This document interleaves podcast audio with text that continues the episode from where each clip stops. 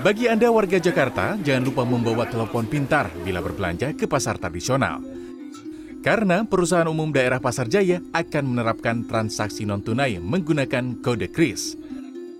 Selasa siang, Perumda Pasar Jaya mulai menerapkan transaksi belanja non-tunai menggunakan kode Quick Response Indonesian Standard atau KRIS di Pasar Kramat Jati, Jakarta Timur.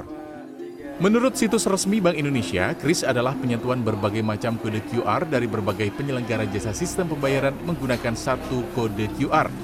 Untuk melayani transaksi non-tunai ini, sejumlah pedagang sudah menyiapkan kode KRIS di depan lapak dagangannya. Pedagang menilai cara pembayaran ini efektif dan aman karena tidak perlu lagi membawa uang tunai dan menyiapkan uang pecahan kecil untuk kembalian. Aku yang sukanya yaitu pasti mereka kalau bayarnya. Oh gitu. Heeh. Lebih menguntungkan berarti ya? Iya, karena kan mereka juga nggak kerasa gitu ngeluarin duit gitu kalau tinggal pencet itu pakai QRIS.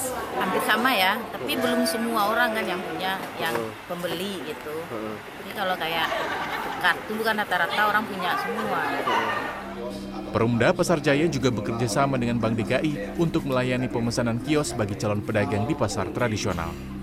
Calon pedagang bisa memilih kiosnya dan melakukan pembayaran lewat aplikasi Jak Kios. Hal ini dilakukan untuk menghindari kecurangan yang merugikan pedagang. ya berdampaknya tentunya akan lebih baik ya jadi eh, dari calon pedagang prosesnya akan lebih cepat ya jadi dan teman-teman yang lain pun bisa eh, apa namanya lebih melengkapi datanya secara ini lebih lebih valid lah ya sehingga tidak terjadi ya kita me- menghindari adanya fraud ataupun kecurangan di sana sini yang menyebabkan nanti mungkin kerugian dari pedagang sendiri ataupun dari pihak kami.